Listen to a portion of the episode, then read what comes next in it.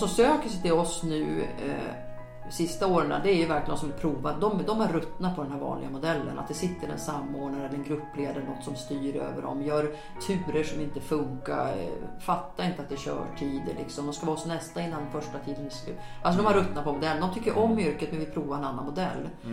Eh, och många tycker att det här passar dem väldigt, väldigt bra. Och liksom, men det tar ändå ett tag att få dem att förstå att de har, de har liksom jättestor frihet tillsammans med sina kollegor.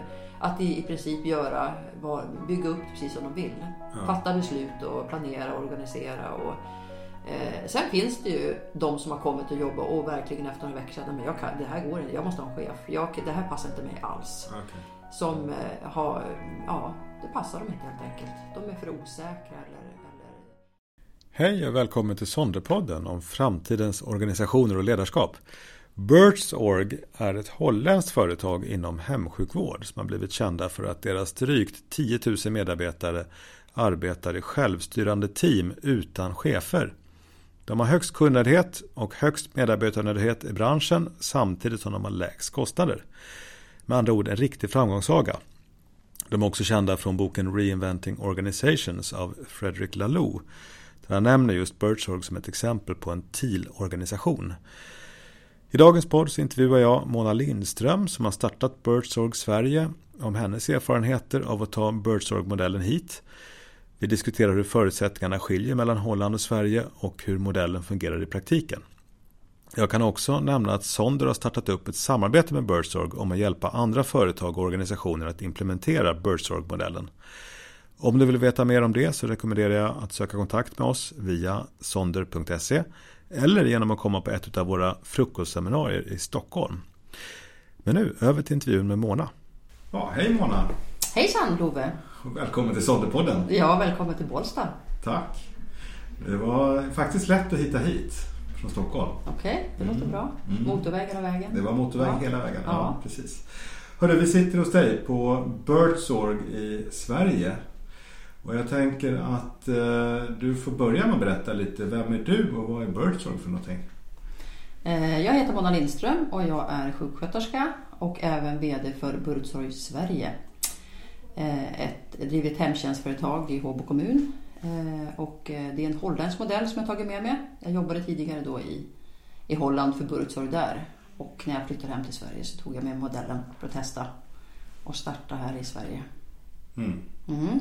Och för jag tror att många lyssnare utav den här podden så är Birchorg lite känd för att det var ett av exemplen i en bok av Frederick Laloux som heter Reinventing Organizations. Där han skrev mycket om Birchorg i Holland. Så att då är det lite spännande att få höra lite hur det funkar i Sverige och så. Men om du fortsätter berätta lite grann. Vad, vad gör Birchorg och... Håller på med hemtjänst och hemsjukvård. Mm. I Sverige är det lite annorlunda. Vi har ett lite annat system här. Det är ju liksom, eh, ska man bedriva hemtjänst i Sverige då är det ju att man måste ha ett, eh, ett avtal med kommunen. Ett LOV-avtal oftast, lagen om valfrihetssystem. Eh, Och då är det också upp till kommunen vad som ingår i lagen om valfrihetssystem. Man kan välja olika saker. Så egentligen den här modellen så, så ska man inte separera tycker jag hemtjänst och hemsjukvård. Det hör ju ihop. Omvårdnad och hemsjukvård. Men det gör man i vissa kommuner. Eh, Det är bara sju, åtta kommuner i hela Sverige som har hemtjänst och hemsjukvård i eh, lagen om valfrihetssystem. Mm. Och det gör det lite svårt. Så att det är bara hemtjänst då som vi bedriver i Håbo kommun och delegerad hemsjukvård. Vi samarbetar med hemsjukvården i kommunen. Just det. Om man tar Birchorg i, i Holland, tänker du började ju där en gång i tiden. Om, om, ehm, det- är ju stort. Det är ju tror jag över 10 000 medarbetare och, och en, en mängd team. Så kan du berätta lite om Birchorg i Holland, vad det är för någonting och lite, lite bakgrunden till företaget? Precis, det började ju så att jag eh, flyttade till Holland då eh, och eh, efter ett tag när jag lärt mig språket så ville jag börja jobba där. Och då började jag åt ett stort företag inom hemtjänst och hemsjukvård. Men upptäckte ganska snabbt att det var liksom inte, det var väldigt dålig kvalitet, väldigt fragmenterat. Liksom, så att jag jobbade där ungefär ett år. Sen kände jag att det, jag kunde inte stå för den kvaliteten eh, som vi utförde för att eh, ja, det- den var dålig helt enkelt. Och då hörde jag talas om det här Burtsorg och läste en massa om det. Jag tyckte att det lät ju jättespännande här med just att man var små team, hög kontinuitet, man gick till samma kunder varje dag. Eh, och just det här att det var inga chefer utan det var verkligen personalen som, eh, som organiserade och planerade och beslutade om saker och ting. Så jag eh, tog kontakt med ett team i Eindhoven där jag bodde och, och kom dit på intervju. Och redan intervjun var ju annorlunda. Man kände att det här är något annorlunda. För det var liksom inte att man kom till en manager eller någon chef på intervju. Utan där satt hela teamet när jag kom in där. Så man blev lite bara wow. Okej, okay, hur många var det i rummet då? ja, de var väl nio tror jag. Okej. Okay. Så att det var lite så här först lite läskigt. Men det var så här avslappnat. Det är mest liksom att ja, men träffas och se om man klickar man kan jobba ihop. Det är väldigt viktigt att kunna jobba bra ihop i ett sånt här litet team mm. som man ska bedriva som ett eget litet företag. Hur, hur stort är ett team? I Holland säger man ja, 10-12, man säger max 12. Sen börjar det liksom bli svårt det här med informationsöverföring och man ska kunna fatta beslut och det. Jag kan mm. tycka att 12 är lite mycket. Jag tycker 10 känns... Men det är det att man, många jobbar halvtid och ännu mindre än det i Holland i och med att man har, det ser annorlunda ut med barnomsorg. Mm. Så i Sverige så är det många som jobbar heltid eller nästan heltid. Så jag, jag tycker liksom 10 det känns max. Ja. Mm. Så du kom dit, du träffade de här, det klickade uppenbarligen för du fick jobb? Ja, jag, ja, de sa direkt att du kan få börja jobba igår. Okej. Okay. Ja. ja. nej men det kändes jättespännande. Jag var ju verkligen, jag hade ju inga småbarn och jag, jag liksom hade väldigt mycket tid kände jag. Och, eh, det kändes jättespännande att prova en helt annan modell. För jag hade jobbat liksom i Sverige också som sjuksköterska både inom landsting och eh, ja, andra ställen. Så det kändes som att det här blir jättespännande. Mm. Och jag kände väldigt fort, bara efter några arbetspass, att Alltså det här passar mig så himla bra. Mm. Eh, och vad var skillnaden då mot det tidigare bolaget som du jobbar för? Ja det var just det att vi hade, vi hade först en väldigt bra faktiskt eh, chef eh, som var väldigt insatt i verksamheten och allt där. Men sen så slutade han och då, då fick vi en, en ny manager. En 30, hon var runt 30, en kvinna som kom från en bank som aldrig hade, tror jag, ens sett en patient, brukare på ett vykort. Knappt. Okay. Så kändes det. Mm. Så dåligt insatt i verksamheten och börja styra och ställa hon skulle organisera om en massa saker. Mm. Och det var så fel. Alltså det stämde inte med hur vi jobbade. Eller, det var jättemånga som var upprörda. Mm. Eh, men många hade jobbat där många år hade liksom, eh, de slutade inte första taget. Jag vet efter jag slutade där så var det flera som följde med. Och många av dem jobbar på Burtsor idag som mm. jag jobbade med där. Okay.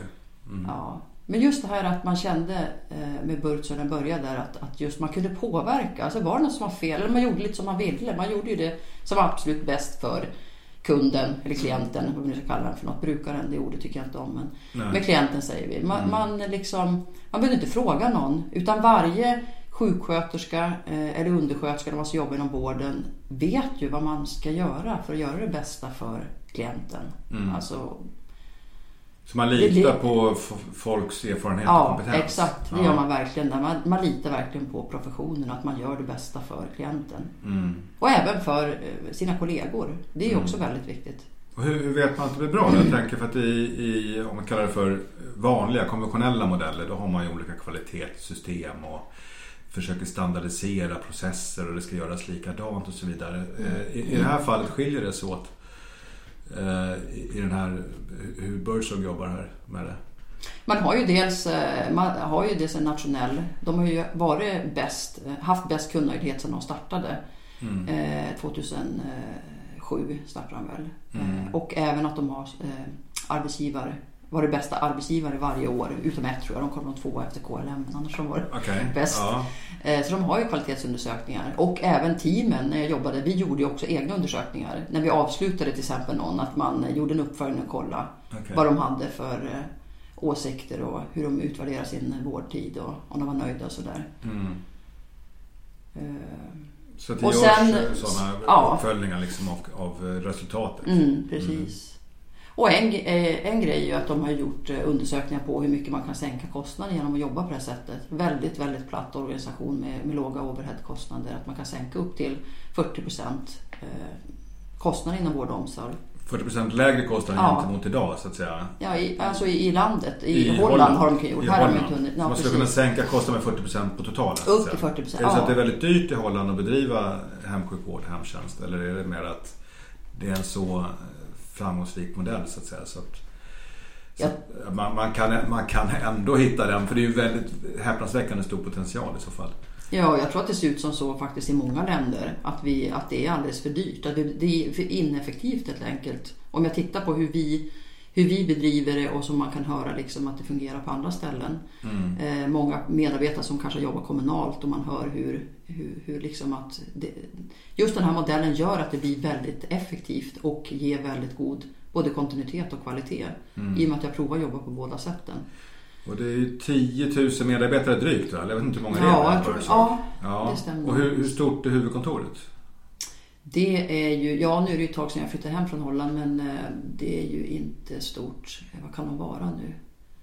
Jag kan inte säga exakta siffror men jag tror att det, vi säger max 40 tror jag. Som, eh, Kanske 40 personer som är liksom huvudkontor? Ja, precis. Som, och de, de gör ju allt bara. Det är därför de kallar det för back office och inte head office i Holland. För att de gör ju allt bara för att liksom underlätta för eh, personalen och eh, utför vissa administrativa uppgifter för att underlätta för dem. För att de inte ska bli förstörda med för mycket mm. administrativt. Ja, ingår, vad gör huvudkontoret? Är det bara administration eller görs det någon sorts, eh, vad ska man säga, ledarskap eller liksom gör man eh, kvalitets mätningar? Alltså vad, vad, hur är arbetsfördelningen? Största grejen de gör, alltså det är ju löner och sådana grejer som de håller på med, stödjer teamen och just jag vet IT, det var ju väldigt, väldigt bra IT-system i Holland. Vi hade ju ett fantastiskt bra IT-system mm. som är också stor skillnad här i Sverige. Hur IT-systemen vi har här, olika då för varje kommun, hur det faktiskt ofta försvårar för personalen än att hjälpa till.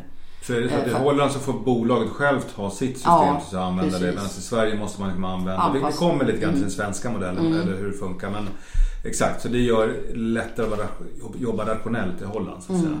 Sen har man ju coacher i Holland. Så man har ju inga chefer. Eh, men man har alltså coacher. En coach har hand om kanske en 50-60 team. Och det är tanken att de ska ha väldigt många för de ska inte kunna liksom gå in och störa eller peta i saker. De har inget beslutsfattande att de kan. Utan de kan bara stödja teamen eh, om teamen behöver. De en, vad sa, en coach, coach. på fem... 50-60 team. 50-60 team mm. per coach? Mm. Hur sjutton hinner coachen med då? Nej, men coachen ska inte hinna med. För okay. coachen ska inte vara liksom delaktig på det sättet i teamet. Utan det är bara om det är någon stor konflikt, de kan inte lösa det. I första hand ska ju teamet lösa allting själv. Men om mm. det verkligen inte går eller att det är en mm. större grej. Då kan man kontakta coachen och säga att vi, vi, vi behöver liksom lite stöd och lite råd och lite tips från dig. Lite handledning. Så man har tänkt på risken att det blir en sorts pseudochefer som dyker upp här om coacherna liksom mm. får en för stor roll? Ja, de kan ja. inte bestämma någonting. Nej. De kan liksom vägleda men de har ju ingen, ingen beslutsfattande i teamen. Så det är egentligen team och de är likadana alla de här teamen och jobbar med samma saker så att säga? Eller skiljer det sig åt att man har olika typer av, av team i Holland om man tittar på hur det funkar där? Alltså teamen fungerar ju på, likadant fastän de ser säkert väldigt olika ut i vilk, var de befinner sig. I vilken mm. liksom, stadsdel eller på landet eller så teamen byggs ju upp lite för att passa eh, just det området man håller på i. Mm.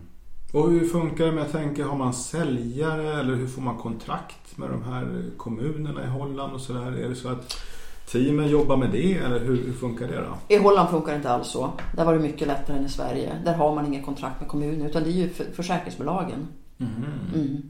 Är det, det privata fungerar... försäkringsbolag som liksom finansierar det som, ja, som betalar? precis. Okej, okay, så ett mm. helt annat system? Ett helt annat system, ja.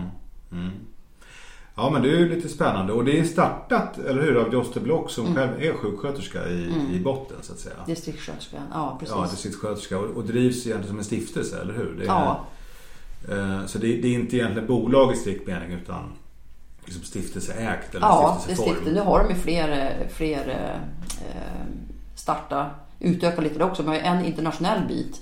Just det här, inte att vi startar som Burtsor i andra länder utan stödjer andra organisationer och andra länder i att eh, kunna arbeta enligt den här modellen. Mm.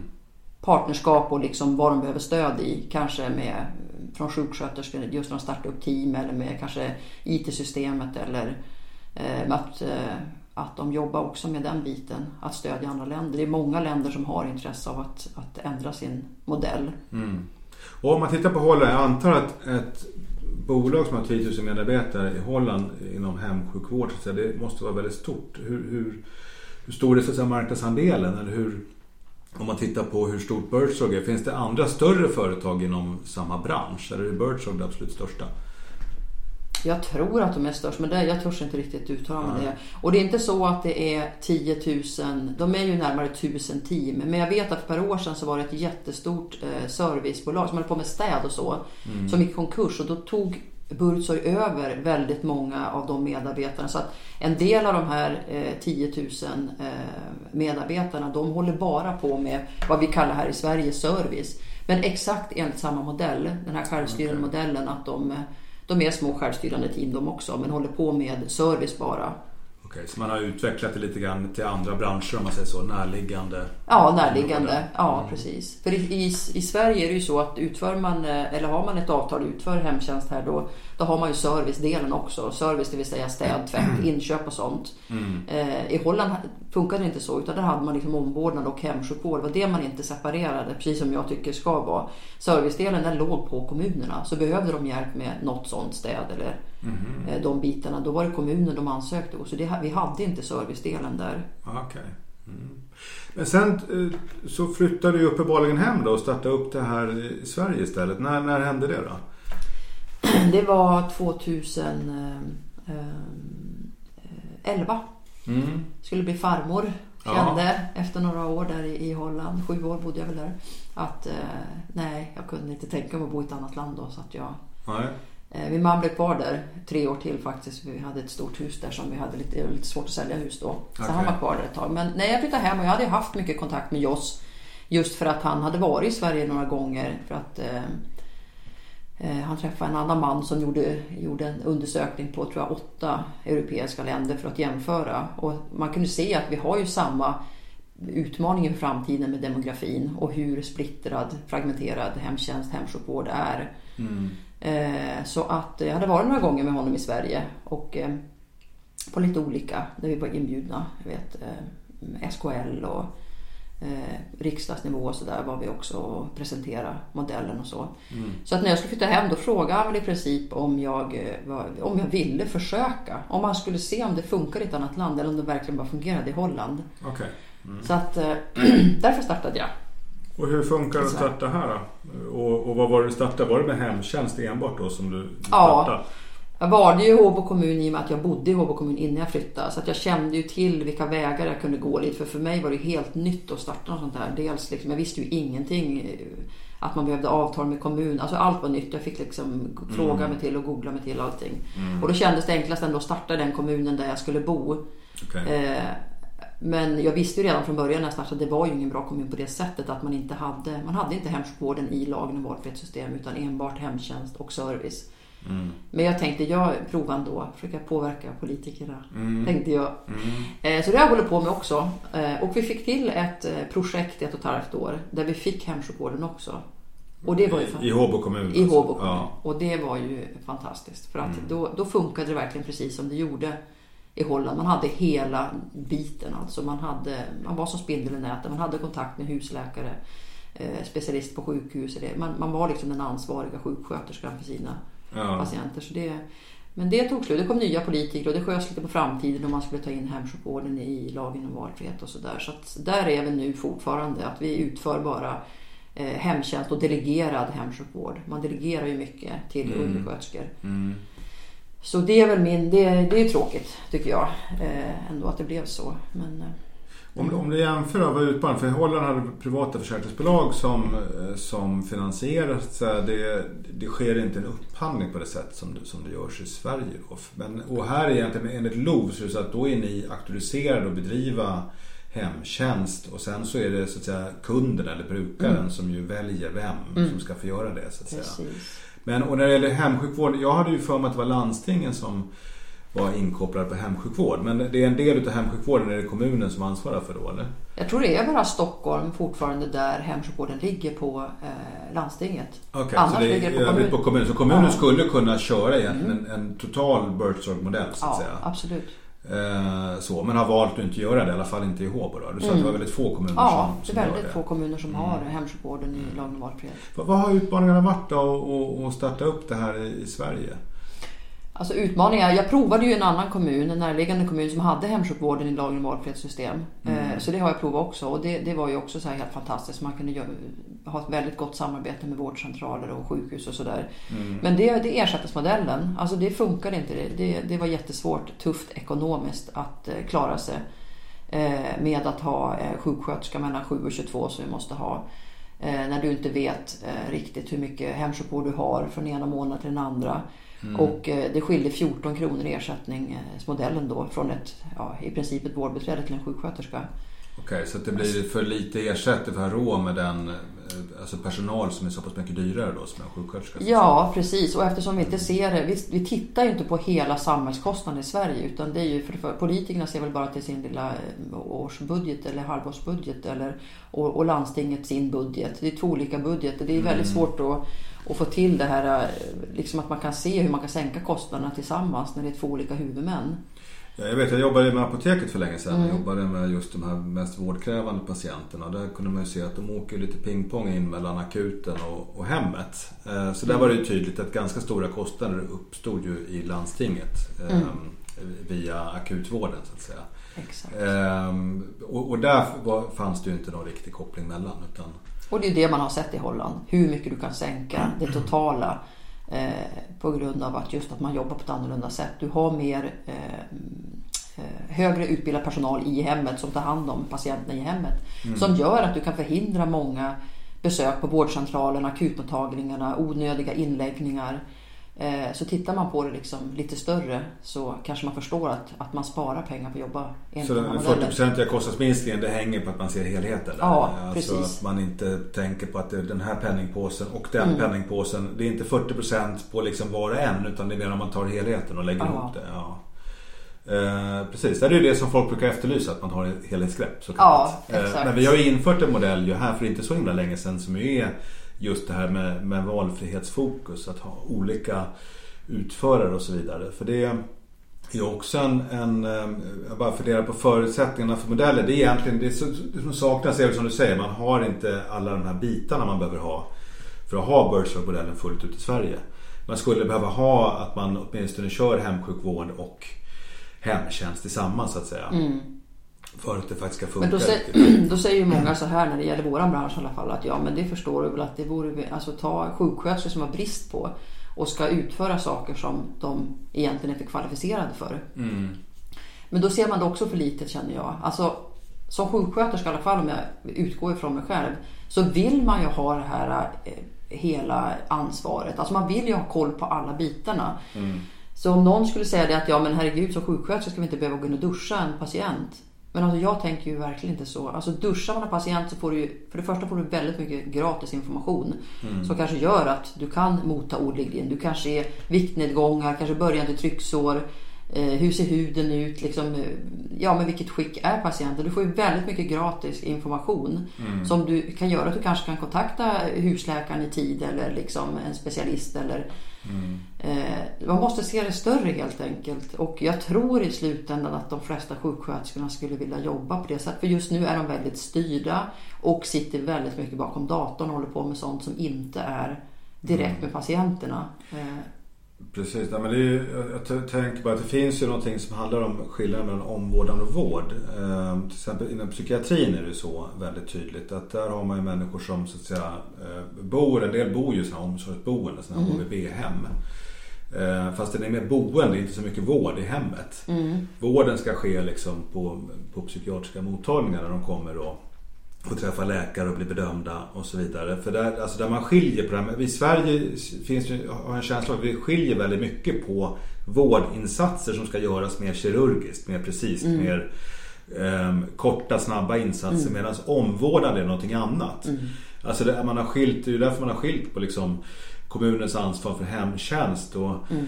landstingets ansvar för vården tänker jag. Så att, Någonstans låter det som att det du efterlyser är liksom att tänka om lite mm. systemmässigt här. Att man måste tänka mer helhet kring eh, personen så att mm. säga. Tänka mer ut, på individen. Mm. Utgå ifrån personen. Alltså det är den här onion model, lökmodellen. Ja, jag tänkte komma till lökmodellen. Ja. Vi kommer in på den eh, per automatik. Berätta lite om lökmodellen. Ja, men det är ju så att eh, kunden i fokus som det så fint heter. Så det har man ju hört ofta. Men alltså det, det är verkligen så vi jobbar. Man, man ser ju till om vi får ett nytt ärende då ser man liksom till person. Vad är personen i för eh, behov av hjälp och vilken livssituation? Man ser inte bara till den här lilla aktiviteten som vi har fått kanske eh, en person kanske får dusch två gånger i veckan. Så man försöker liksom jobba utifrån personen i, i fokus. Mm. Eh, och kolla liksom kanske först och främst med grannar, anhöriga. Vad har han för socialt nätverk den här personen? Och vilket stöd får den av dem? Vilket stöd får den inte? Mm. mycket är ju liksom att lösa praktiska problem hela tiden för mm. att få det att fungera så bra som möjligt för personen. Då. Och sen efter det då kommer vi, Burksorg-teamet. Mm. Eh, och utanpå det så är det ju det här formella nätverket då. Med, Men liksom... ni gör en sån här kartläggning av personens nätverk eller? Alltså när ni jobbar, när ni gör, jobbar med en, en kund här. Mm. Så att ni, ni tittar på vilka finns runt omkring den här personen och vad ja. kan de hjälpa till med och hur, hur, hur, liksom, hur, hur funkar det praktiskt så att säga? Alltså det var ju, det var ju större grej i Holland. För där, alltså det har att göra med kultur tror jag. För där var det verkligen så att det var inte konstigt att fråga grannarna om hjälp. Okay. Om någon behövde en period så här, de kunde inte gå och handla eller kanske var grannen, kan inte du dra av stödstrumporna på kvällen? Här? Nej, men liksom, man, man, kunde verkligen ge, be grannar om hjälp. Så är vi ju inte i Sverige. Vi ska ju vara totalt självständiga. Oh. Vi är väl de ensammaste snart i hela världen för vi har gjort oss så otroligt oberoende av andra människor. Fråga grannar om något sånt, det vill man ju helst inte göra. Man vill ju helst inte ha att göra med sina grannar. Mm. Och anhöriga ska ju absolut inte vara för involverade eller känna någon belastning. Eller... Så vi svenskar är ju lite annorlunda än, än holländarna upplevde jag. Mm. Men vi försöker ändå liksom få till ett gott samarbete med anhöriga och kanske grannar om de vill. Det är mm. väldigt strikt med sekretessen också. Man måste ju kolla att verkligen personen vill det. Men alltså mm. verkligen kolla upp hela livssituationen för att det är jätteviktigt att, se helheten hur eh, personer... För många grejer kan bero på något helt annat. Det kan vara ensamhet, det kan vara sorg, det kan vara depression, det kan vara mm. missbruk. Eh, det kan vara vad som helst. Att man liksom inte bara ser till den här lilla aktiviteten man ska utföra utan hur man kan hjälpa personen på bästa sätt. Mm. Och det, jag tror att det är det som är egentligen den stora eh, framgången med... Många tror att det är det här med självstyre som är grejen. Men mm. det är inte riktigt det kan jag tycka. Utan det är liksom... Det är egentligen relationerna vi får med våra klienter. Den här varma relationen vi får med dem som ger resultat i slutändan. Men för att kunna jobba på det sättet och få den här relationen då måste professionen själv få styra. Mm. Men jag tänkte på det du sa i början där, den här uh, unga chefen som kom in som kom från en bank, mm. bolaget jobbade med tidigare. Att mm som inte har, eh, har någon koll så att säga. Ja. Det är väl just det att här har man bara personer som faktiskt kan den här, det här området. Ja. Och, och, och, som förstår det. Så det låter som att det är en, en väldigt central del i konceptet. Om man säger så. Birdshop-konceptet. Ja. Den professionella eh, ledningen av verksamheten egentligen. Mm. För det, det är ju vad det handlar om. Självstyre här blir ju att du har människor då som är väldigt väl insatta i ja. hela verksamheten som styr. Precis. Egentligen. Ja. Och inte om man tänker professionella chefer så kan man vara chefer för vad som helst. Ja, exakt, precis. Så det låter ju som en, mm. en, en avgörande del. Mm. Men eh, om du jämför dem med andra hemtjänstföretag i Sverige, liksom era konkurrenter här. Jobbar de på liknande sätt eller, eller utifrån det du känner till? Skiljer ni ut er mycket i, i svenska förhållanden så att säga? Eh, eller jobbar man på liknande sätt inom andra bolag? Det vet jag inte riktigt, men jag tror att vi utskiljer oss så. Vi har ju haft också väldigt bra resultat på eh, våra nationella undersökning Sverige man gör varje år. Brukarundersökningen Socialstyrelsen gör. Mm. Vi har haft i princip varje år 100% nöjda kunder. Det är ju väldigt högt. Eh, och eh, jag tror att det som, det som skiljer mest är just det här att eh, dels hur vi ser på personen, att, det, att just personen i fokus. Mm. Att vi löser problem runt omkring för att hjälpa den så mycket som möjligt och, och kunna vara självständig hemma och kunna bo hemma så länge som möjligt. Mm. Eh, och så just det här att de, eh, de planerar och organiserar själva. Det finns ingen samordnare, eller gruppledare eller chef eller utan det är verkligen teamet som, som, eh, som gör allt själv. Med stöd om de vill. Det har ju varit en liten resa i Sverige också för det är inte så vanligt att jobba på det här sättet och speciellt inte så länge när vi nu inte har hemsjukvården eh, så har vi ju inte sjuksköterskor. Det blir för mm. dyrt helt enkelt plus att eh, det, ja, vi behöver inte ha, vara sjuksköterskor. Jag skulle önska det att det fanns. Mm. Att vi kunde vara några stycken men det finns ju inte ekonomi. Det kan man bara inte. mm. med den ersättningsmodell som är. Eh, och, men undersköterskor, de är jätteduktiga. Och, men det har ju varit en resa för att det är inte så vanligt att undersköterskor, de har ju oftast en arbetsledare. Mm. Oftast en sjuksköterska kanske. Eh, och få dem verkligen att jobba och förstå att de, att de kan själv. De mm. kan det här jobbet. De vet vad, vad som ska göras för att det ska bli så bra som möjligt för, för klienten och även för dem själva. Det ska mm. vara bra för dem också. Arbetsmodellen ska ju vara bra för båda. Men det är svårt att hitta personer som, som vill ta det ansvaret då? Eller liksom tar det tid innan folk är bekväma med att jobba på det här sättet?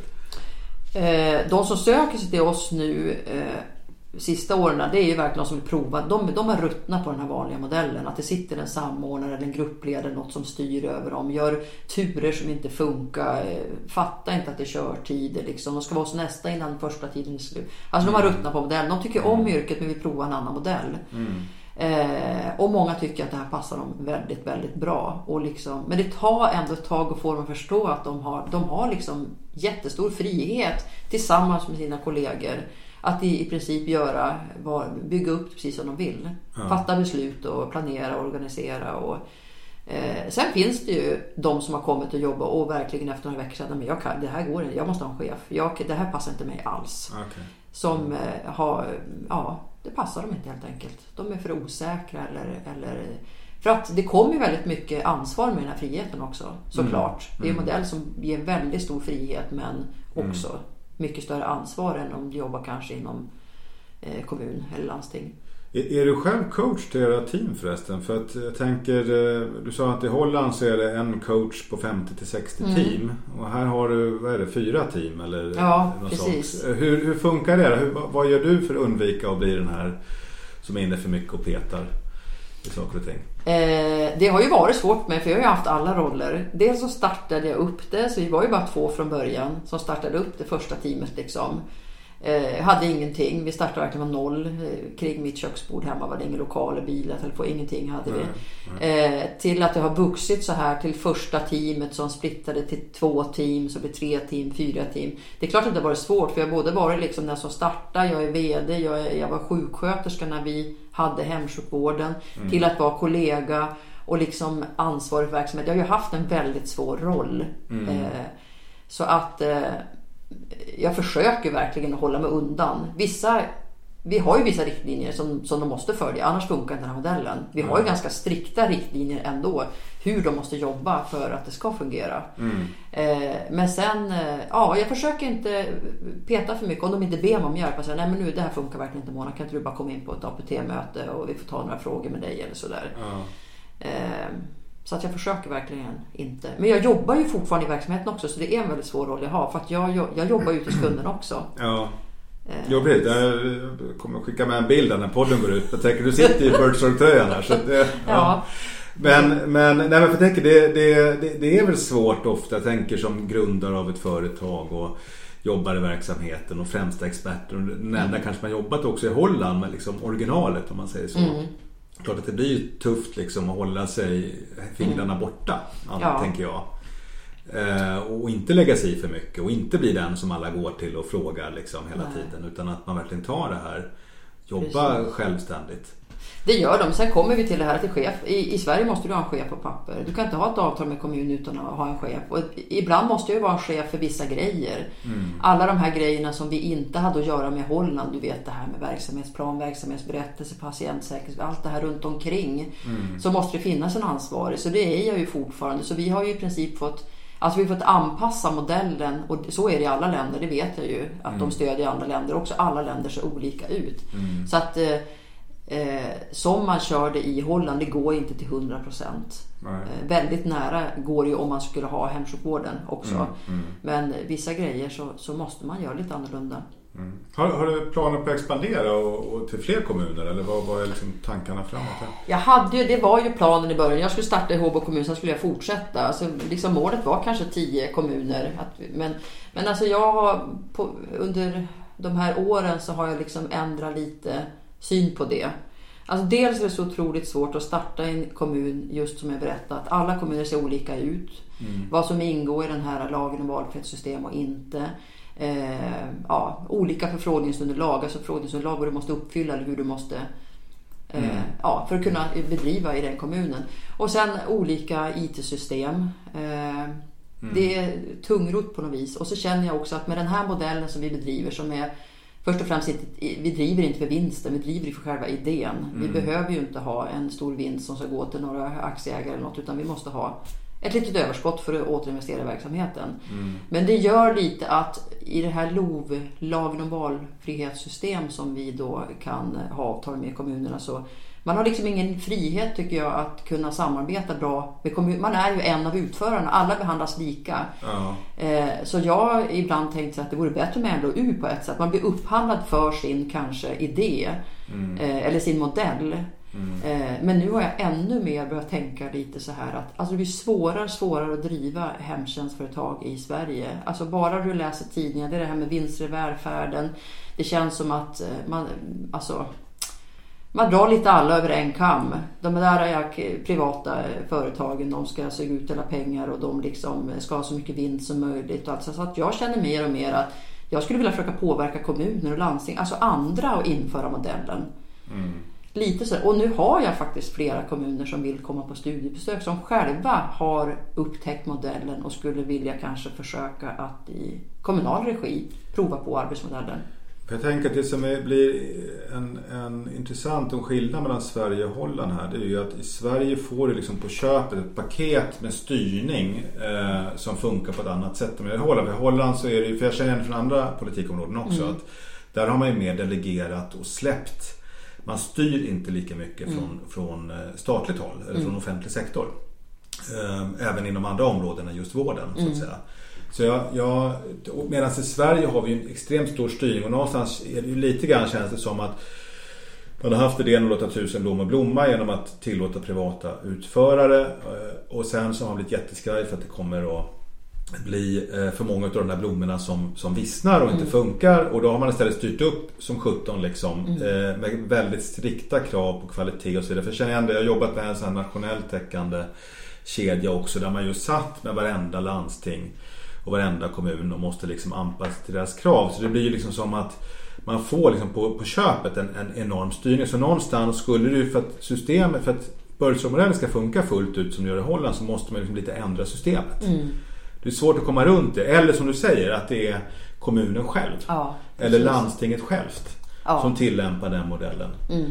I och med att, att det är svårt som privat bolag egentligen i det här landet att faktiskt eh, fullt ut tillämpa en sån här eh, fri modell om vi kallar för det. Mm. För de alltså då har vi märkt i den här kommunen att eh, det kommer nya tjänstemän som på, gör om på sitt sätt, kanske skapar nya rutiner, riktlinjer som vi alla måste följa som försvårar vårt arbete, försvårar vår modell liksom. Mm. Att man ska styra för mycket så att mm. det blir för tungrot att jobba som vi, som vi vill jobba. Egentligen. Och det kanske brist på tillit som du säger också. Privata företag, privata utförare ses ju ibland som lite, mm. ska säga, eh, olyckor som väntar på att hända. Liksom. Mm. Eh, av tjänstemän. Eller jag känner igen mm. den synen. Att det finns mm. tyvärr en, en rätt negativ syn ofta på mm. eh, privata företag. Ja, det är väl det som har gjort lite att man har tappat sugen. Nu vet jag att vi har stort förtroende i den här kommunen och vi har haft eh, gott samarbete under många år med den här kommunen. Men, men det känns ändå som att försöka liksom starta just in i LOV i andra kommuner. Mm. Det, mm. Det, det, det, känner jag inte att det kommer.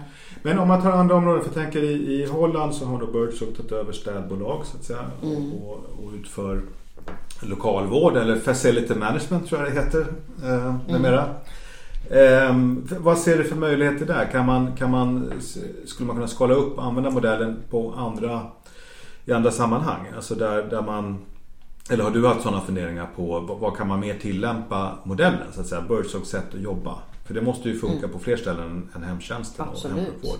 Det tror jag absolut. Titta på alla områden där det verkar vara svårt för att fungera lärare, lärarbrist, polisen. Alltså varför skulle det inte kunna fungera i, i, i andra yrken? Mm. Just det här att man, man, man har tillit till eh, professionen, medarbetarna. Mm. Och eh, man behöver inte ha alla de här cheferna, mellancheferna, eh, gruppledare. Mm. Eh, att de själva får bestämma själv. Lägga upp arbetet. Ja men det är intressant för jag tänker socialtjänsten. Jag kommer att tänka på när du pratar om er lökmodell. För att jag känner igen den där lite grann från socialtjänsten här i Sverige. För där har man ju oftast en modell där man tittar på, jag tror man kallar det för styrkefaktorer eller något sånt där. Liksom. Mm. Man tittar på vad finns det för eh, stärkande faktorer runt individen. Mm. Eh, som gör att den här personen eh, skulle kunna undvika att hamna i kriminalitet mm. eller utanförskap eller missbruk. Och försöka använda dem så att säga. Den analysen vet jag att man gör inom socialtjänsten till exempel. Mm. Vi jobbar ju lite grann också med tanken på team. Som, som jobbar väldigt individcentrerat eh, med individer och med familjer. För jag, jag bara tänker i mitt huvud så blir ju det en ganska tydlig parallell till liksom var, var en sån här modell skulle kunna tillämpas. Mm. Även om det är klart att även där eh, får man ju en fråga som är svår det är ju det här med när man har väldigt mycket lagstiftning som man ska tillämpa eller mm. som man, man ska utgå ifrån. För jag tänker, det ju, du nämnde med patientsekretess, men bara mm. patientdatalagen och, och alla de frågorna är, är, det är ju oerhört mycket eh, lagstiftning. Polisen kan vi inte tala om när det kommer mm. till vad man, vad man får och inte får göra. Så mm. det, det, är också en intressant fråga. Hur skulle man kunna göra detta i en väldigt reglerad verksamhet? Mm. Med väldigt strikt eh, lagstiftning. Och om det skiljer sig, men jag antar att även i Holland så har de ju säkert en hel del att förhålla sig till de här teamen när det kommer till just lagar och regler. Ja precis. Lagar och regler, alltså det är någonting, det är ju som i Sverige också, det måste de följa. Och sen har vi ju vissa eh, vissa riktlinjer som de måste följa för att den här modellen ska fungera. Mm. Alltså det måste vara, det måste, de måste följa hur man håller möten till exempel, jätteviktigt för att de ska ändå fatta beslut, eh, viktiga beslut eh, mm. inom teamet. Mm. Att de har olika roller, fördela arbetet, att de har koll på det liksom. Mm. Både på ekonomin och på, alltså hur många mm. delar de har koll på. Så att det kommer ju mycket ansvar med den här friheten också. Men... Har ni förresten något sånt sätt som ni, alltså introduktionsutbildningar, liksom sätt man lär sig Birdsdog-modellen när man jobbar här, när man börjar här? Alltså som handlar om typ hur ni gör möten och sådana saker. Finns det något sånt? Ja, vi har ju, dels har vi en stor kick-off varje år för all, alla nya och gamla och det blir som en repetition men där vi går igenom just de här viktiga grejerna. Sen har, sen har, i början av jobbet, vi har ju ett introduktionsprogram.